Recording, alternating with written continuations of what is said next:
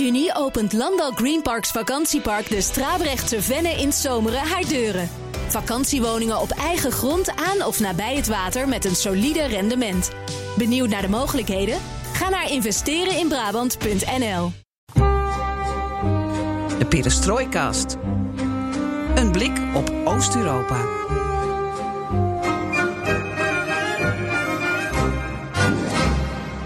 Het is september en dat betekent dat we aan de vooravond staan van de voordracht van de nieuwe Europese Commissie, allerlei eurocommissarissen, ook vanuit uh, de landen die wij volgen in de perestrooikast, die uh, worden gehoord door het parlement. En dan zijn we benieuwd of ze door de ballotage komen.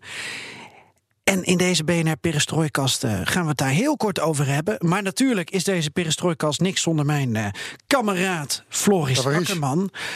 Zonder mijn Tavares. En Tavares Floris, Waar wil jij het over hebben, deze aflevering? Heb je een boek gelezen, een film gezien, een Europees, Oost-Europees bordspel gespeeld? Uh, boeken genoeg, daar kom ik later nog terug op een andere perestrojkas. Films niet, hoewel je nu wel binnenkort een tentoonstelling hebt... in ieder geval een special in het AI-bioscoop over Tarkovsky de beroemde Russische regisseur. Uh, maar goed, daar weet ik niet zoveel van, dus dat slaan we over. Ik wil het hebben over uh, Macron en zijn avances richting Rusland. Dat zijn twee Franse woorden in één zin. Macron en avances. Ja, um, en Oost-Europa? Uh, Oost-Europa in het Frans ook nog? Uh, Europe-Est, geloof Zoiets, ik. Ja. Um, want jij wilt waarschijnlijk graag hebben over wat er in Brussel zich afspeelt. Um, ik wil het graag hebben over wat zich elders afspeelt in Parijs en Berlijn. Want daar wordt natuurlijk de toon gezet voor het buitenlandbeleid. En we zien daar een opvallende rol in van de heer Macron. Uh, hij doet zijn uiterste best, of in ieder geval hij doet pogingen om weer met Rusland door één deur te kunnen. We zagen al dat Rusland in juni lid was geworden van de Raad van Europa. Het stemrecht was ze ontnomen nadat het de Krim had geannexeerd. Maar Macron en Merkel stonden een terugkeer niet in de weg. Nu zien we, hè, Macron gaat verder op die route. In augustus nodigde hij Poetin al uit in Frankrijk, vooraf, voorafgaand aan de G7-top, waar Rusland nog uh, uh, afwezig bij was vanwege die gebeurtenissen in 2014. Um, ze hebben elkaar eerder deze maand gebeld over Oekraïne en Iran. En uh, dat telefoontje, dat was een dag voordat in Moskou er een Frans-Russische raad plaatsvond over veiligheidskwesties. Mm. Dus langzaam staat Rusland bij, in ieder geval bij Macron weer op de agenda.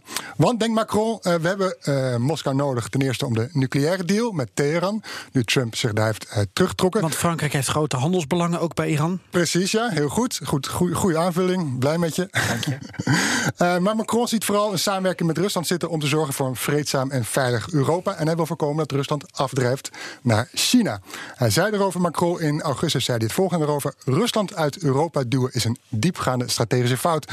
Omdat we, in Rusland, omdat we Rusland ofwel in een isolement brengen, waarmee de spanningen toenemen, of Moskou gaat allianties aan met andere grote mogendheden, zoals China. Um, daarop zei hij: het Europese continent zal nooit stabiel of veilig zijn als we onze betrekkingen met Rusland niet pacificeren. Duidelijke taal, toch? Is monsieur Macron zich er niet van bewust dat wij Europeanen niet uh, alleen Moskou van ons afduwen, maar dat Moskou zelf ook hier iets mee te maken zou kunnen hebben? Ja, hij schuwt de kritiek niet. Hè. Hij bekritiseert Rusland het gebrek, in Rusland het gebrek aan democratie en het neerslaan van protesten in Moskou. Hij riep eerder Russia Today en uh, Sputnik uit als uh, agenten van invloed en propaganda. En hij zegt ook: we moeten niet vergeten wat er in het verleden is gebeurd met de annexatie van de Krim, de oorlog in Oost-Oekraïne, waar Rusland bij betrokken is. Maar hij vindt toch blijkbaar uh, dat, dat veilig Europa, uh, daar heeft hij meer oog voor. Het is een beetje een spagaat waar hij in staat. Kritiek is er zeker vanuit Europa. Landen als Polen en Oekraïne die kijken argwanend naar wat Moskou doet. Ze zien het, uh, wat Macron bijvoorbeeld doet aan die Raad van Europa als een beloning voor Poetin, terwijl hij niet inbindt. Rusland is, wat ik al zei, militair actief in Oost-Oekraïne en zit nog altijd braaf op de Krim. Um, we zien ook die gevolgen van Macrons avances dichter bij huis. Nederland komt fluiten naar de MH17 verdachte mag eerder deze maand. Uh, bij die gevangenruil liet Oekraïne hem gaan naar Rusland. Frankrijk en Duitsland juichten die ruil toe. En ze hopen dat deze stap uh, leidt tot rust in Oekraïne en in Oost-Oekraïne. En ook tot een betere verhouding tussen Moskou en Kiev. Laat wel zien dat Nederland, Nederland er niet meer van hoeft uit te gaan dat het van op Parijs en uh, uh, Berlijn kan rekenen als het gaat om internationale steun rond MH17. Nu zag ik ook zijn minister Le Drian reageren. En hij had het over, ja, we moeten de, de ease the tensions, zei hij in, in goed Frans. Ja. Um, de spanningen moeten verminderd worden worden. Uh, het was nog te vroeg om uh, misschien Moskou weer toe te laten tot de G7, om daar weer een G8 van te maken. Als ik jou nou eventjes als commentator van deze podcast uh, dat vraag, ehm, de banden met, met Rusland aanhalen, tot welke hoogte? Uh, die kun je zeker aanhalen op bepaalde kwesties. Maar ik denk dat je ook dat je uh, strak moet blijven over MH17, de Krim en Oost-Oekraïne. En daarin niet uh, moet toegeven. Sancties? Sancties, ehm, zolang die niet de Russische bevolking raken, ja. Oké. Okay. Ja, dat is dan wel weer moeilijk. Ja, lastige kwestie. Oké. Okay. Wat jij? Wat vind je, hoe kijk jij daar tegenaan?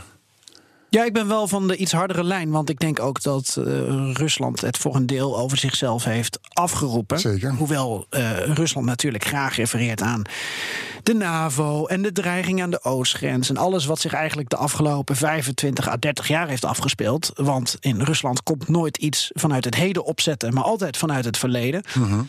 En dat zou je kunnen meerekenen. Maar ik denk ook als je uh, vijf jaar terug vol afschuw reageerde op annexatie Krim, uh, uitbreken oorlog in Oost-Oekraïne en MH17, dan snap ik dat je op een gegeven moment zegt van ja, iets met die sancties moeten we, want te veel ondernemers, ook in Nederland, worden erdoor geraakt. En dat is inderdaad niet fair. Maar blijkbaar zijn er in de politiek geen goede tools om um, de bevolking en de ondernemers te ontzien van sancties. Want uh, hoe je het went of keert, de top van een land of uh, de rijken van een land, die, die weten zich altijd wel weer eruit te wurmen. Dus het is een hele lastige kwestie, dat blijft het. Maar ik denk wat jij zegt, je kan gewoon toch niet helemaal gaan toegeven. Misschien G7, G8, dan krijg je toch wel weer een bepaalde dialoog. En die lijn moet open blijven. Dat is ja. ook wat volgens mij mensen in onze uitzendingen zeiden over de Ruslandstrategie. Misschien zou dat een begin zijn. Laat Rusland meepraten, meedenken. En dan kan je altijd nog als G7, want je bent altijd nog met zeven andere landen, zeggen van nou, uh, nee, dit doen we niet. De vraag is natuurlijk of Rusland überhaupt wel bij die G7, G8 top wil gaan behoren. Die hebben ze nou ook niet echt afgeschreven, maar ze zien het ook niet meer als het belangrijkste orgaan dat gaat bepalen ja, wat er in de wereld toch. gebeurt. Poetin een wereldtoneel. Het, ja. uh, daar, daar verlangt hij wel. Ik denk ook wel dat hij het mooi vindt als hij door Macron wordt uitgenodigd ja. in Versailles, een paar jaar geleden in het paleis of ergens anders mooi aan de Franse kust. Dat siert hem wel. Hij wil graag gerespecteerd worden door andere landen, door de wereld, door Amerika, door Frankrijk, door Duitsland. En als hij dan weer bijvoorbeeld bij die G7 weer aan mag sluiten, ja, dan doet het hem dat goed. Ja, ik denk als, wel dat het... als hij dan ook nog vanaf Ja. komt zonder uh, afgerekend te worden op de Krim en uh, Oost-Oekraïne, ja, dan is het een win-win situatie voor Het is ook wel goed dat Macron dit natuurlijk doet, want ook het Normandie-format uh, om uh, de, Wil hij ook nieuw leven inblazen? wil hij nieuw leven inblazen. Klopt. Dus het overleg met Duitsland, Frankrijk, Rusland, Oekraïne om te kijken wat kunnen we doen rondom die status quo in Oost-Oekraïne. Ja, Zelensky wil het graag oplossen. Ja, eh, dat ook. Dus het is de prijzen. Alleen de vraag is... eh, is Tegen het, welke prijs? Tegen welke prijs? En is het ook naar ons zin? Vanwege bijvoorbeeld MH17 hebben we een extra gevoeligheid natuurlijk. En Ja. kijken we er net wat anders naar. En misschien staan we dan ook wel steeds meer in isolement. Ja, ja. Ja, ik Zo, wilde, de kop het, is eraf. ik wilde het heel kort hebben over eh, de klas van 2013 aan de Universiteit van Maastricht. Ja, daar gaat bij mij volgens mij een licht- lichtje branden. Er zijn namelijk de afgelopen weken twee afgestudeerden van de Master European Studies aan de University of Maastricht. Die zijn eh, doorgestroomd tot eh, een zekere hoogte. Dan hebben we het over twee mensen uit 1990, toen jij en ik allebei al ruimschoots uit de luiers waren. En deze twee die eh, zijn nu minister schuine streep eurocommissaris geworden. Gefeliciteerd. Ja, Eh, aan Maastricht misschien ook wel. Maastricht, als de stad van Europa. Nou, Maastricht eh, weet het ook vol trots op de website eh, te verkondigen. Van onze alumni hebben dit gepresteerd. Eerst was daar het bericht van Hanna Novosad. Novosad eh, betekent zoiets als nieuwe tuin, nieuw groen. Nou, dat is wel mooi, want zij is door Zelensky aangesteld om minister van Onderwijs in Oekraïne te worden. Kreeg vervolgens wel wat kritiek te verwerken, omdat haar Oekraïens niet zo vloeiend blijkt te zijn. Dus ze werd erop geattendeerd op sociale media dat ze eh, niet al te weinig fouten maakt in haar opstellen als ze Oekraïens schrijft. En dat is natuurlijk wel staatstaal nummer Eh, één. ja, daar mag je niet mee, eh, mee, mee sjoemelen. Als minister van Onderwijs moet je daarmee aan de pas. En zij Mhm. Ja. is dus in 2013 aan die klas van 2013 eh, in Maastricht Europese studies afgestudeerd. En dat gold ook voor, ehm, eh, ik vind zijn naam zo ingewikkeld. Sinke Vikius is zijn achternaam, en zijn voornaam volgens mij Virginius. Litouwen. 28 jaar toch? Ja, hij was eh, drie jaar terug werd hij, of twee jaar terug werd hij al minister van Economische Zaken en Innovatie. En nu stroomt hij door naar Europa, voorgedragen vanuit Litouwen. Het, ehm, dossier milieu en oceanen krijgt hij. Dat vind ik fascinerend, want welke oceaan grenzen wij aan? Dat vroeg ik me ook wel af. Maar misschien Ehm, kun je de Noordzee, de nou, Middellandse Zee... Atlantische Atlantische Oceaan, nu. Ja. nu het zegt. Ja, maar goed, oké, vooruit. Ehm, Geen kleine jongen. hij is van de Groene en Boerenpartij in Litouwen. Eh, enige eurocommissaris die van zo'n partij afkomstig is, schijnt niet al te groen te zijn in zijn gedachten. Maar ook hij is dus uit die klas van 2013 uit Maastricht voorgekomen. En dat is wel interessant dat zij dus toch eh, een masterstudie in Nederland hebben gedaan in de stad van de vrede. En nu doorstromen naar eh, het vreedzame Europa. Wat Sinkevicius betreft en wat Novosad betreft, eh, zij mag nog even aan de bak onder Zelensky. Nou, ik wens, ze- ik wens ze succes. Welkom bij BNR Perestroikast. En we zijn alweer een eind op weg in deze twintigste aflevering van de enige podcast van Nederland die volledig oog voor het oosten geeft en heeft. En in deze aflevering hebben we het dus al gehad over een paar interessante zaken. Maar we gaan het ook hebben over het krimpende Centraal- en Oost-Europese continent. Want onze geliefde regio kan met een afnemende bevolking. Dus vond er in Boedapest eerder deze maand een demografische top plaats. Eh, Hongarije-correspondent Stefan Bos liep er rond. En eh, Leo van Wisse, hoogleraar demografie aan de Rijksuniversiteit van Groningen... en directeur van het Nederlands Interdisciplinair Demografisch Instituut... volgde de top vanuit Nederland. Zometeen gaan we met hen in gesprek. En we gaan natuurlijk ook nog even naar onze legendarische vaste prik, de mop van Joost. Want je weet het inmiddels, alles ten oosten van de rivier de Elbe... kan de komende weken, maanden, jaren in deze podcast worden besproken. Waarom ga je zo snel praten ineens? Ja, ik dacht ik doe het voor jou en dan ga ik snel door naar mijn eigen. Maar oh, oké. enfin. Wat leuk is, is dat Juist. we heel sociaal en democratisch zijn en dat je ideeën kunt eh, bijbrengen, inbrengen, moet ik zeggen, via Twitter, Perestrooikast. Of mail ons op perestrooikast.bnr.nl. En daar doen we dan ook nog wat mee. Ik ben Floris Akkerman. En mijn naam is Geert-Jan Haan. En dit is BNR Perestrooikast.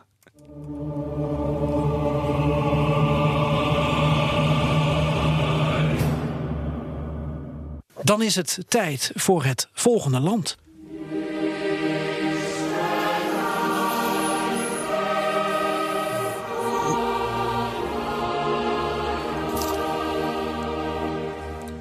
Familie eerst. Dat was het motto deze maand tijdens een demografische top in Hongarije.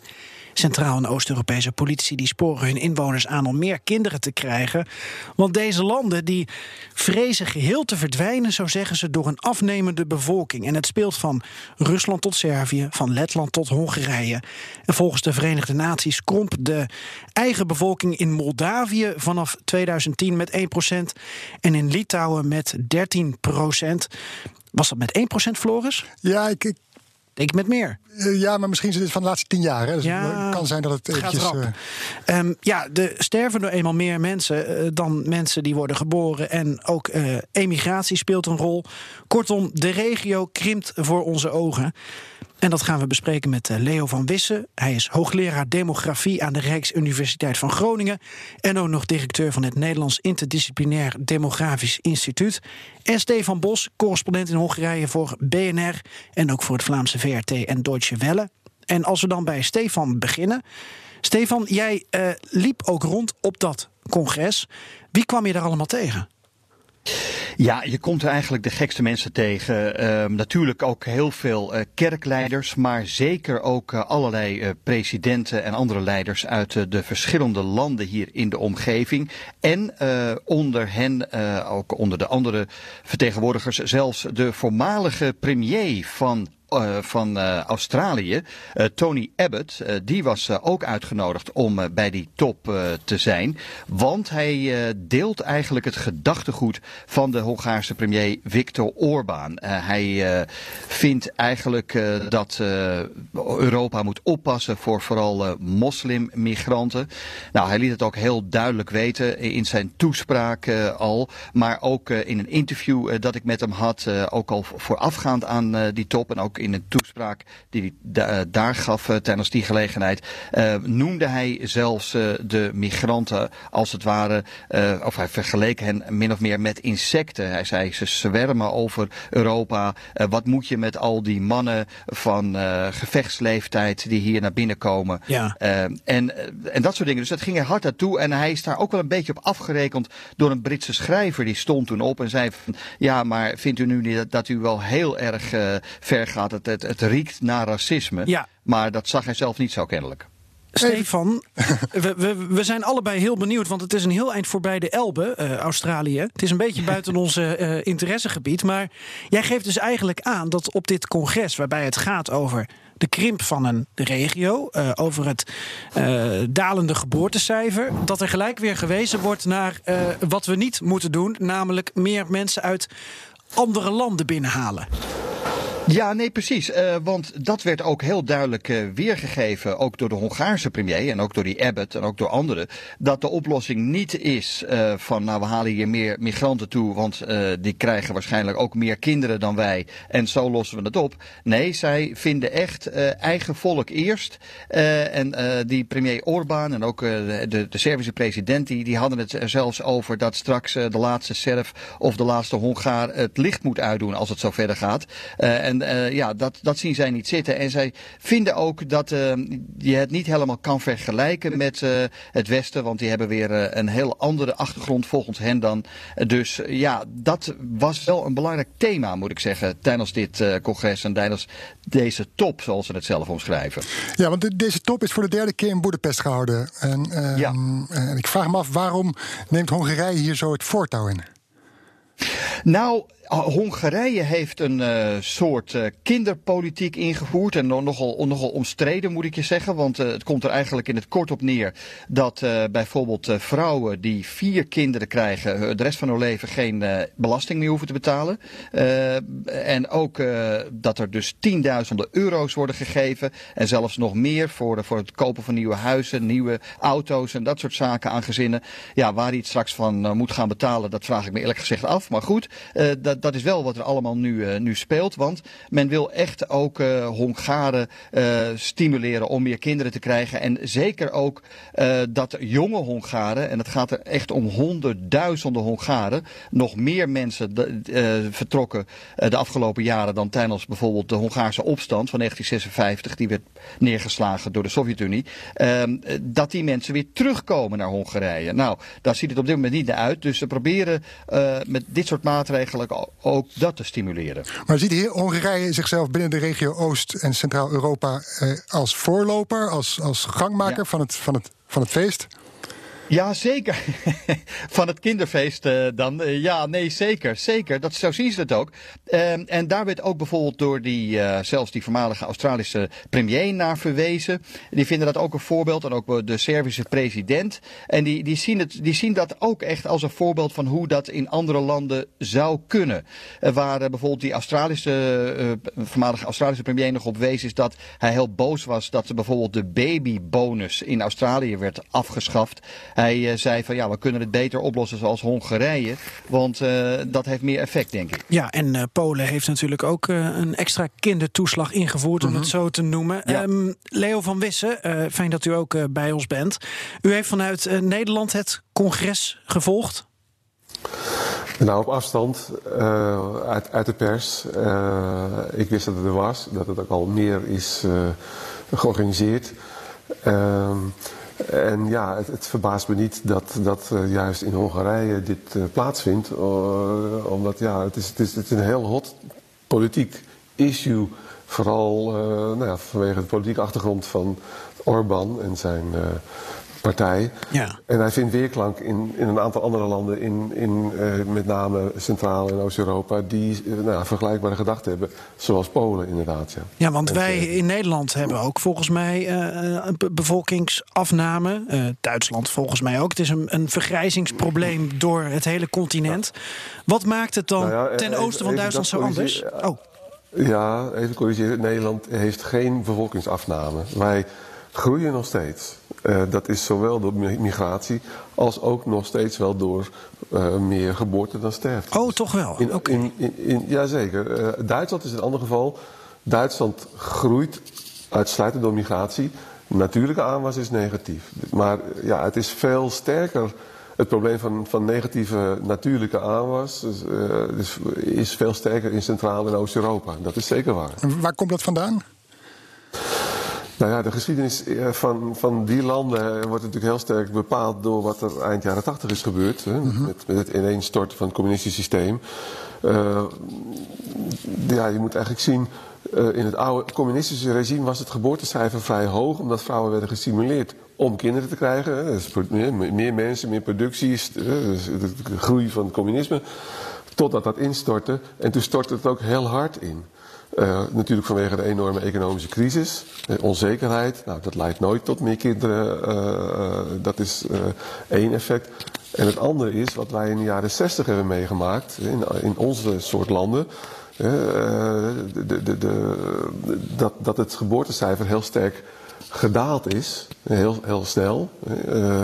dat hebben zij toen ook versneld meegemaakt. Ja. Dus dat allemaal bij elkaar, een culturele verandering. Uh, meer vrijheid, meer keuzevrijheid voor mensen. Uh, economische crisis. Uh, betekende dat, dat het geboortecijfer heel laag werd. Extreem laag. En daar zijn ze pas nou ja, recentelijk een beetje van aan het terugkomen. Want dat betekent dat ze de, de gevolgen ervan ondervinden? En dat ze er daardoor gealarmeerd zijn? Nou, dat weet ik niet. kijk, mensen beslissen natuurlijk op eerste plaats zelf en deze politiek van Orbán is, ja, dat zeggen, het land krimpt. Maar ja, wat, wat heeft een individueel gezin of vrouw daar, heeft, heeft die daar een boodschap aan? Die denkt vooral aan het eigen welzijn en het eigen plannen voor kinderen krijgen. Dus dat is een beetje twee, nou ja, het, het, politieke beeld van een krimpende bevolking is een slechte motivator voor individuele mensen om kinderen te krijgen. Maar zie je dan dat Midden- en Oost-Europa, als je kijkt naar de gevolgen, dat, eh, ja, dat economisch minder gaat? Of dat, uh, wat, wat, wat, wat, wat betekent dit voor die landen als je eigen bevolking afneemt? Of in ieder geval de geboortecijfers uh, dalen, de bevolking krimpt? Ja, ja. nou ja, kijk, stevige krimp is natuurlijk best wel een probleem. We hebben in Nederland en in sommige regio's ook krimp, zoals in Groningen. Maar dat gaat allemaal toch in het algemeen heel geleidelijk. Dan kun je zeggen, nou dat valt nog wel mee. Maar in landen waar het sneller gaat, zoals bijvoorbeeld Hongarije, maar ook Rusland of Roemenië. Ja, krijg je wel het probleem van leeglopende regio's, vooral het platteland. Uh, een infrastructuur die niet meer uh, uh, onderhouden kan worden. leegstand. Ja, het, het, dat is best wel een probleem voor een land. Dat is waar. Ja, ja. Stefan, als we dan Hongarije eruit pikken, jouw land. ten eerste, jij moet dus meer kinderen krijgen, is de boodschap. ja, ja, ja, dat is, uh, dat is wel. Moet het wel Hongaarse kinderen zijn, wel de bedoeling. Ja, kinderen. Werk je eraan? Ja. nou ja, kijk, het, het, het, maken is, is misschien. Het probleem nog niet. Dat het, uh, dat het ze ook echt uh, hier, hier moeten opvoeden in Hongarije. Ja. En ik denk dat dat het, uh, het, het, het, het probleem ook een beetje is voor andere Hongaren. het, althans, niet voor andere Hongaren, voor, voor Hongaren dan ook. En voor, misschien voor andere mensen die hier ook wonen.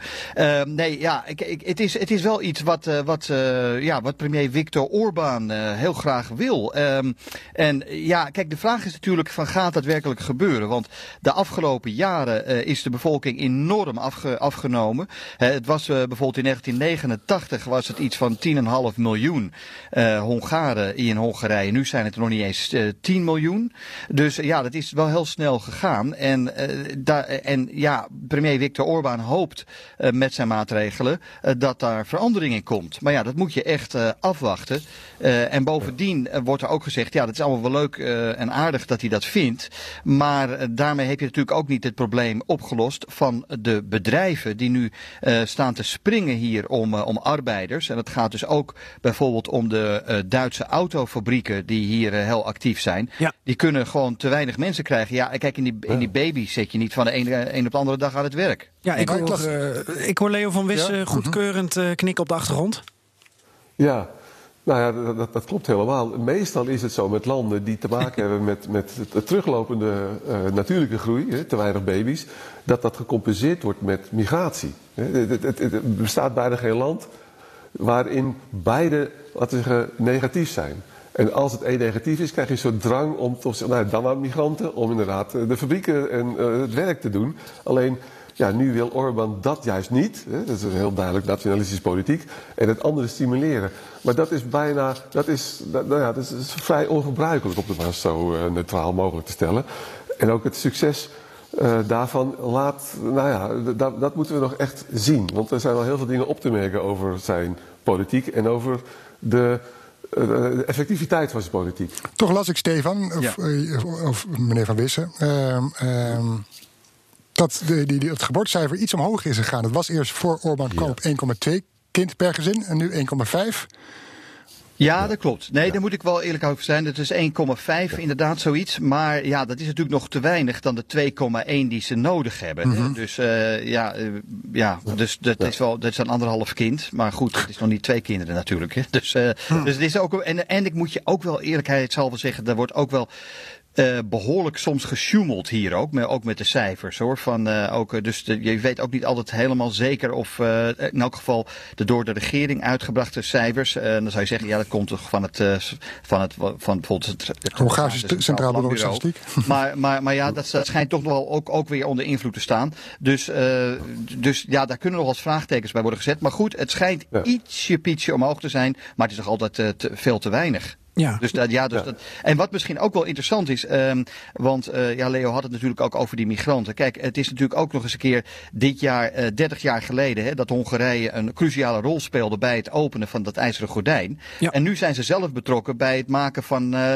van zeg maar enorme uh, anti-migratiehekken, letterlijk, hè, bij de, langs de grenzen met, uh, met Servië. Om, om er ook vooral voor te zorgen dat die migranten hier niet binnenkomen en asielzoekers vooral. Die worden in containerkampen gestopt. Dus ja, dat helpt natuurlijk ook niet echt uh, om uh, hier het geboortecijfer op peil te krijgen. Tegelijkertijd, en dan gaan we zo uh, weer even naar Leo van Wissen, maar even nog voor jou, Stefan. Um, lees ik ook verhalen dat er steeds meer Filipijnse migranten in Hongarije zijn. Dat met name vanuit Azië arbeiders worden gehaald, of arbeidersmensen, om ja. bijvoorbeeld in de zorg te werken in Hongarije. Druist dat dan niet in tegen het ja, unieke Hongaarse normen- en waardegevoel? Nou, kijk, er gebeuren wel meer uh, een beetje hypocriete zaken. Want uh, wat je bijvoorbeeld ook hebt, is dat er ook al heel veel mensen uit de Oekraïne hier naartoe komen. waar je dan de Orbán ook niet altijd over hoort. En, en, ook zelfs uit Venezuela zijn er mensen gehaald. Dat zou dan gaan om etnische Hongaren die ooit eens een keer daar naartoe gevlucht zijn. op, maar goed, heel veel van die mensen spreken niet eens Hongaars. dat heeft er zelfs toe geleid dat mensen in het platteland die echt alleen maar worden beïnvloed door Orbáns media uh, in paniek de politie opbelden. Want ze dachten allemaal uh, zwarte migranten te zien. Nou, die mensen waren niet eens helemaal zwart. Maar goed, uh, los daarvan. Maar die kwamen allemaal uit Venezuela. Waren hier naartoe gebracht. Ja, en nu ook die Filipijnse mensen.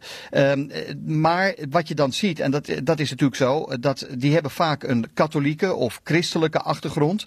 En waar het Orbán vooral om gaat, is het tegenhouden van moslimmigranten. Die hij echt als een gevaar ziet voor wat hij dan omschrijft als de christelijke waarden van Hongarije en Europa. Dus dat speelt ook een rol erbij.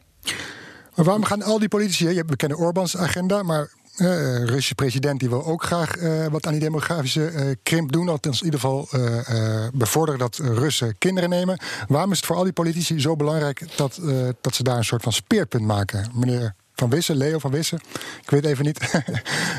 hoe, hoe ziet u dat van, van, van de Baltische Zee tot de Zwarte Zee? Ja, nou ik denk dat, dat vele politici uh, hun eigen belang en dat van hun land zien groeien met meer bevolking. Dat is een soort reflex die we allemaal hebben. Niemand houdt van krimp en zeker niet sterke krimp. Dus, en het, het, bouwt natuurlijk op het hele nationalistische idee voor hun beleid. Hè. Eigen volk eerst, meer mensen van ons soort en ja, veel jonge kindertjes. Ja, dat, dat, dat past helemaal in dat hele rechtse politieke nationalistische beeld. Dat, dat, dat, dat, dat, dat zie je in heel veel landen gebeuren. Uh, dus het verbaast me niet dat juist daar dat zo uh, uh, plaatsvindt. Maar tegelijkertijd zit in dat hele beeld van die, dat politieke idee, dat nationalisme, ook iets waardoor het eigenlijk bij voorbaat al gedoemd is te mislukken. Want er wordt wel heel veel geld in het project gepompt. Bonus bij kinderen, noem maar op. Maar dat is maar één deel van het probleem. Natuurlijk is geld een punt, maar ja, kijk naar Europa. Wat, welke landen hebben de hoogste geboortecijfers in Europa? Dat zijn de Scandinavische landen. En waarom is dat zo? Omdat daar een, een cultuur. Uh, uh, het is natuurlijk, ze hebben geld.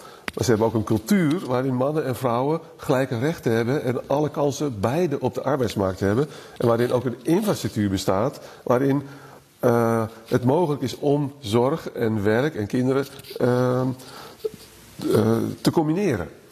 Nou, dat betekent dus dat, dat, dat de positie van de vrouw als gelijk, gelijkwaardig een ontzettend belangrijke factor is uh, in een cultuur waarin je uh, meer kinderen kunt krijgen. -huh. nou, als er nou iets ontbreekt in, in, in Centraal- en Oost-Europese landen, dat geldt niet alleen voor Hongarije, maar ook andere, is het juist dit. En daardoor zie je dat juist het, het, het, uh, het, effect van geld op de korte termijn wel iets kan opleveren. Dat zie je dus nu met een stijgend geboortecijfer. Ja. Uh, maar het zijn dan meestal mensen die toch al kinderen willen krijgen. En zeggen, nou ja, als we ze nu krijgen en niet over twee, drie jaar, dan hebben we toch mooi wat geld te pakken. Ja. Alleen als je kijkt naar hoeveel kinderen vrouwen krijgen over een generatie. Dat is eigenlijk meer een soort, soort hoeveel kinderen krijgen in hun leven. Dan zie je daar alleen, alleen maar een dalende tendens. Ja. Is het ook Dus, uit electorale motieven? Ehm, in mijn prachtige Ruslandjaren sprak ik een Russische vrouw die zei: Ja, ik stem op Poetin, want dan krijgt mijn tweede, derde kind. Dan krijg ik daar geld voor. Speelt het ook een mee bij deze? Speelt het ook een rol bij politici? Ik, ik, Eh, Stefan dat of is altijd wel een attractie. Ja. Ja, ik, nou ja, ik, ik, ik- ja ik, ik, denk, eh, ik denk het absoluut. Het is een hele belangrijke punt voor, eh, voor premier Viktor Orbán om, eh, als ik dan naar Hongarije kijk, om, de, om dit beleid in te voeren. Ehm, en hij hoopt natuurlijk dat hij daardoor ook weer populair zal blijven onder het electoraat. Want kijk, met die migratie wordt hij volgens de peiling althans nog wel gesteund door veel Hongaren. Maar het is voor velen van hen ook moeilijker geworden, toch wel afgelopen jaren. Eh, dat, heeft, eh, ja, dat is toch, altijd, denk ik, nog een staartje van de val van het communisme. En er is, er is natuurlijk toch nog hier geen goede eh, zorgstaat zoals in Nederland. Eh, en je, dat, dat zie je ook, hè, vooral oudere mensen zie je ook zelfs hier in Boedapest gewoon echt bedelen. Omdat ze niet kunnen rondkomen van hun lage pensioentje en zo. Dus hij hoopt echt met die familiepolitiek een, het electoraat aan te moedigen vooral op hem te blijven stemmen. En eh, ja, op dit moment lijkt hij er wel in te slagen om, althans eh, officieel dan, eh, zijn eh, partij nog op een hoog pijl te krijgen. Maar het, het wat heel interessant gaat worden is de komende weken. Want dan zijn er gemeenteraadsverkiezingen. En die, die zijn voor Orbán heel belangrijk om te kijken van hoeveel macht heb ik nou nog werkelijk op plaatselijk niveau. En zeker ook hier in Boedapest. Ja. En meneer Van Wissen, wat volgens mij. Ik heb nu even de grafiekjes erbij gepakt die ik net niet had. Toen ik de fout maakte dat, eh, dat Nederland een bevolkingsafname had. Ik zie inderdaad dat wij nog aan de goede kant van de streep staan. Ehm, Wat mij dan opvalt, het zijn eigenlijk alleen maar Zuid-Europese en Centraal-Oost-Europese landen die in de min staan. En dan denk ik gelijk aan de invloed van katholieke kerk of in sommige landen in Oost-Europa orthodoxe kerk. Dat heeft er zeker mee te maken. Eh, eh, ik noemde net Scandinavië. Ik denk dat het heel belangrijk is eh, voor gezinnen of voor, voor, vrouwen of, of, paren. De beslissing om kinderen te nemen hangt niet alleen af van puur economische factoren, maar ook ja, van de cultuur in het land die dat mogelijk maakt. Je kunt wel geld krijgen als je een kind krijgt, maar als je op hetzelfde moment weet dat je werkgever je dan vervolgens de deur uit of geen nieuw contract meer geeft, omdat hij toch het liefst iemand heeft die eh, niet zwanger is, eh, dan doe je dat maar niet. En juist in dat soort landen is de discrepantie tussen wat vrouwen eigenlijk willen van een samenleving om kinderen te krijgen en wat ze feitelijk krijgen, eh, in, in termen van de cultuur en de omstandigheden, het grootst. Ja. Dus eh, ze zijn wel gek om met, met zo'n traditionele cultuur eh, een, een gezin op te bouwen. Want ze moeten ook werken. Eh, en juist in dat soort landen is dat dan het moeilijkste. Maar- En als dat niet verandert, ja, dan kun je wel met wat geld het tijdelijk ophogen, eh, het geboortecijfer. Maar het is geen structurele oplossing. Dat vergt een lange adem en een complete cultuurverandering die ik niet zie gebeuren onder dat soort regimes. Nee, nu zie En dat ik. heeft natuurlijk heel veel met, met katholieke, katholieke achtergronden eh, te maken. Ja. Want ja, daar is de positie van de vrouw achter het aanrecht. Heel simpel. Ik heb nog één gedachtenkronkel. Ehm, dat is misschien een vreemde, maar als ik dan eh, hoor Scandinavië en ook eh, nou, Nederland, eh, België, Luxemburg. Luxemburg is ook een beetje een migrantenland, maar goed. die hebben dus een, een, een, een bevolkingstoename. Terwijl je zou denken, in dat soort landen, in ons soort landen, ehm, is anticonceptie geen. eh, ehm, ja, eh, daar zit geen verbod op. Daar wordt niet van gezegd van nou, doe maar niet. Terwijl in die kerkelijke landen, daar eh, is het allemaal eh, ondoenlijk, anticonceptie. Dat mag allemaal niet. En tegelijkertijd zie je daar de minste kinderen komen. Ja. Nou ja, het, is, het is niet verboden daar. Het, is, ja, er ligt wel een soort. Ja, het wordt niet gestimuleerd. Het- Nee. nee, maar goed. Als er iets is wat vrouwen individueel kunnen doen, is, is, is dat gebruiken. Dus die laten zich dan waarschijnlijk ook weinig daaraan gelegen liggen. Eh, maar het gaat er dus juist om van wat voor factoren leiden ertoe dat men dan wel een kind neemt. Eh, en dat laat ze toch moeilijk sturen eh, op de lange termijn. Is, is er... Ja, nou, ja, ja, ga je gang, ja, nou, Stefan? nou, nou, ja, nou, dan moet ik wel zeggen dat in, in Hongarije, wat natuurlijk op zich wel traditioneel uh, ook wel, waar bijvoorbeeld de katholieke kerk toch nog wel uh, belangrijk is en ook nog wel de, de gereformeerde kerk, dat je daar gewoon wel, uh, zeg maar, de, de, de, de condooms overal zo'n beetje ziet, ja. ziet hangen in de grotere zaken en zo. Dus dat, dat, is niet zozeer in Hongarije een punt. Maar, en, en wat misschien in Hongarije ook wel een mogelijkheid nu is voor vrouwen om bijvoorbeeld zelfs een paar jaren zwangerschapsverlof te nemen. Dus niet gewoon even een paar maanden, maar gelijk een paar jaar.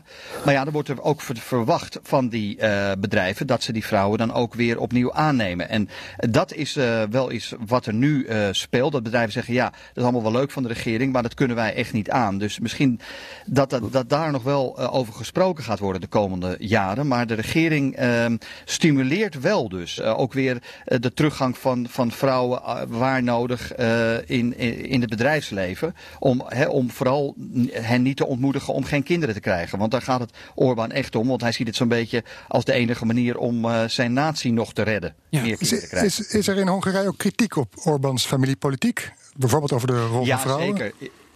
Ja, zeker. Want wat er wordt door de critici wordt gezegd is dat het uiteindelijk erop neer zal komen dat mensen, de, zeg maar de, de, de betere middenklasse, dat die uiteindelijk, uh, dat het daar uiteindelijk heen gaat. Want ja, er zijn ook nog wel wat uh, regels voor. Je moet ook wel op. Uh, wat bedoel je met heen gaat? Bijvoorbeeld. Nou, uh, bijvoorbeeld, je, je, moet ook kunnen aantonen dat je ook uh, mogelijkheden hebt om uh, een hu huis te kunnen financieren. en dan, dan is het nog, dan wordt er zelfs gezegd ongeveer waar je de, de slaapkamer moet hebben en waar je de kinderkamer moet hebben, zo ongeveer, zou ik maar zeggen. Zover gaat het. En er zijn ook wel, um, het is natuurlijk ook wel zo dat als je naar kijkt naar de Roma-gemeenschap, dat is de armste gemeenschap in Hongarije zo'n beetje, dus, dus de Roma-zigeuners. Ja, de, de critici zeggen dat het waarschijnlijk daar veel minder voor zal gelden dan uh, ja, de andere uh, Hongaren, uh, de, de, de blanke Hongaren zou ik maar zeggen. Mm -hmm. En, de, en men, men vreest een beetje voor een, een tweestrijd door dit beleid. Ja. Nou, of dat helemaal zo is, moeten we afwachten. Maar dat is wel de angst die er heerst onder de critici en onder diverse organisaties. Leo van Wissen, um, u heeft vaker onderzoek gedaan over de hele wereld eigenlijk naar demografische ontwikkelingen. Heeft u op dit congres nog iets gehoord, dit uh, congres in Boedapest, waarvan u denkt, nou, dat is de heilige graal. Zo ga je uh, een enorme bevolkingsafname tegen? Um, nou, nee, eerlijk gezegd niet. Um, ik denk dat zo'n politiek. Uh, er zijn natuurlijk heel veel voorbeelden geweest in het verleden in pogingen om het geboortecijfer omhoog te krikken. En die hebben nou, soms wel een beetje geholpen, maar vaak tijdelijk. En het, is, het gaat vaak dan ook inderdaad om, om, om, om nou ja, dus die, die financiële incentives. Maar als je, als je dat alleen maar doet, is die politiek meestal niet heel erg effectief. En wat hij wil, het geboortecijfer boven de 2. Uh, nou ja, dat, dat, dat, dat, dat gaat gewoon niet gebeuren op deze manier. Dat, nee. is, uh, dat, dat kan ik je verzekeren. Dus nationalistische dus politiek kan op de korte termijn een, een, een impuls geven, maar heeft op de lange termijn niet het gewenste effect.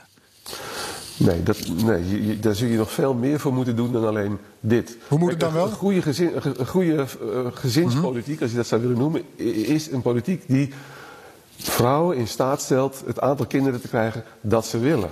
Ja? En uh, daar zit nog best ruimte in, omdat uit onderzoek blijkt dat bijvoorbeeld in dat soort landen als Hongarije het, kinder, het gewenste kindertal ligt op twee of iets boven twee. Dus dat is mooi. Alleen het gat daartussen, en wat het nu is, is heel groot. En uh, het, richting drie kinderen zal het nooit gaan. Maar uh, er zal een enorme stap nodig zijn om dat gat te dichten. En dat zal meer dan alleen financiële incentives moeten zijn. Dat zal echt ook, ook een, een, een, een, nou ja, een behoorlijke verandering in alle aspecten van de samenleving moeten zijn. à la uh, nou ja, Scandinavische landen bijvoorbeeld. Dat is nog een heel eind weg. Ja, Stefan ja, Bos. Wat, ja, ja, wat, wat ik misschien dan nog aan kan toevoegen is dat uh, de Hongaarse premier die zei ook tijdens dat congres dat hij eigenlijk naar een samenleving wil waarin het uh, zeg maar financieel aantrekkelijker is om kinderen te krijgen dan om geen kinderen te krijgen. Nou ja, of dat zal lukken, het is op dit moment misschien nog een uh, utopie, maar dat is wel waar hij naar streeft. Ja, even terug het laatste bij die, naar Boedapest, het congres. Is er nog iets van een eindconclusie, een eindplan ondertekend van een, een aanvalsplan van zo gaan we het doen met z'n allen? Ja, memorandum of understanding. Zoiets, ja. nou, ik heb, ik heb dat niet voorbij zien komen. Maar wat wel, denk ik, uh, als je ook naar die verschillende toespraken luistert. En ook uh, het feit dat er ook gesprekken zijn, ook, uh, ook, ook zeg maar rond dat congres. dat er wel gezocht wordt naar een gezamenlijke strategie. En wat ik wel heb begrepen, ook van de verschillende sprekers, dat ze het voorbeeld van Hongarije in elk geval wel willen volgen om ervoor te zorgen dat de families groeien. En dan gaat het vooral om landen zoals Servië en ook andere landen in deze regio die daar uh, toch de komende jaren naar gaan kijken. Ja, maar we hoorden van uh, Leo van Wissen al dat dat uh, misschien toch niet de beste plannen zijn die je dan kan presenteren. Um, ik ga jullie allebei bedanken. we hebben een inkijkje gehad in de demografische ontwikkelingen in Centraal- en Oost-Europa. En een klein beetje Nederland. Ik heb ook weer wat geleerd. En Scandinavië. Um, ik vond het zeer boeiend. Leo van Wissen, hoogleraar demografie aan de Rijksuniversiteit van Groningen. Ook directeur van het Nederlands Interdisciplinair Demografisch Instituut. Dank u wel. Bedankt voor uw tijd. Dank u. En ook uh, Stefan Bos, uh, die nu weer druk kinderen gaat maken. In Hongarije, waar hij onze correspondent nou, is voor BNR. Stuur je geboorte, stuur de geboortekaartjes maar deze kant op. We zien je geboortekaartjes graag. Ja. Okay. Goed, we verwachten daar een babyboom binnenkort. Dank jullie wel. Hartstikke bedankt. Oké. Okay. Dag. Ja. Tot ziens. Dag. Dag. De mop. De mop. Een uh, Amerikaanse arts die komt een, Russische collega tegen en die zegt: uh, Zeg, ik heb gehoord dat er in Rusland uh, soms mensen worden behandeld tegen een bepaalde ziekte. En dan komt zo iemand te overlijden, blijkbaar autopsie dat er een heel andere doodsoorzaak is. dat hij helemaal niet aan die bepaalde ziekte deed. Waarop die Russische dokter in woede ontsteekt en zegt: nee, dat is echt Russische of westerse propaganda. Uh, dat kun je echt niet zeggen, want uh, wij, uh, al, alle mensen die wij behandelen, zegt, die, die overlijden aan de ziekte waar, we, waar wij ze aan behandelen.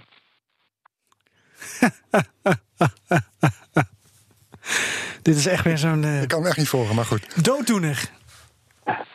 Ja, nou ja, dat is Russische humor, jongens. Het, is, uh, het is niet anders. Ik zal hem uh, nog wel eens uitleggen. Volgens. Is goed, is goed. Ja, het is, volgens mij is het trouwens uh, autopsie. Ja, dat heb ik ook aan te denken. Ik was toen al verward. En adoptie. Nou, weet je wat, dan vertel ik hem nog een keer. Nee, ik vind het helemaal nee, is goed, zo. zo. Ja. Okay. Wat, wat, is, wat is autopsie in het Russisch? Waarschijnlijk ook iets van uh, autopsia? Ja, dat zou kunnen. Ik weet het niet. Ik ja. weet het niet aan mijn hoofd. Je gebruikt het niet dagelijks, autopsie? Nee, nee, nee. Autopsie. nee, nee. Nee, of het schoon het in Rusland wel eens vaak voorkomt natuurlijk. Uh, maar goed. Oké. Okay. nou, het was weer genieten, Joost. Ja, dankjewel. We hebben het weer geweten. Altijd. Graag gedaan. Pakka. Ajeto. Pakka. Ja, pakka pakka. Oké, okay. nou, dat was het dan weer. Ik, ik kon hem echt niet volgen. Jawel. Pakka. Ja, oké, okay, pakka. Малинка, калинка моя, в саду ягода, малинка, малинка моя.